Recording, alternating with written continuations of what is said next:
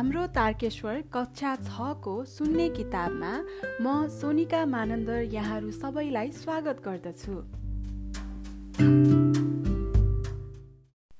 एकाइ दस पाठ पाँच न्यायिक समिति पान्ना नम्बर एक सय सत्र। समाजमा विभिन्न घटना परिघटनाहरू घटिरहन्छन्।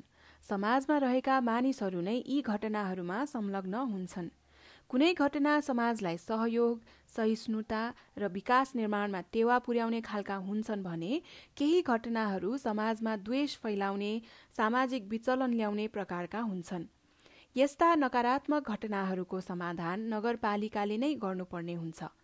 यस्ता सबै प्रकारका झैझगडा समस्या वाद विवाद आदिलाई नगरपालिका स्तरमा नै समाधान गर्नका लागि नगरपालिकामा न्यायिक समिति गठन गरिएको हुन्छ। नगरपालिकाका उपप्रमुखको संयोजकत्वमा दुईजना नगर सभा सदस्यसहित जम्मा तीनजनाको न्यायिक समिति रहन्छ।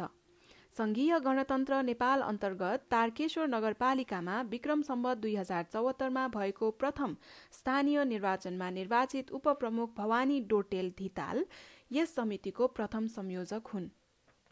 यहाँ फेरि तालिका छ। न्यायिक समिति त्यसको तल नगर उपप्रमुख संयोजक त्यसको तल नगरसभा सदस्य दुईजना।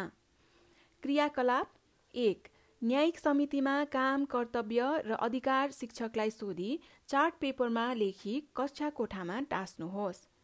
अब हामी अभ्यासमा पुग्यौँ पान्ना नम्बर एक सय अठार छ एक नम्बर ठिक भए ठिक बेठिक भए बेठिक चिन्ह लगाउनुहोस्।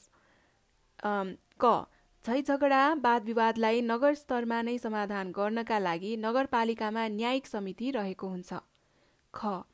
नगरपालिका प्रमुखको संयोजकत्वमा न्यायिक समिति बन्दछ ग।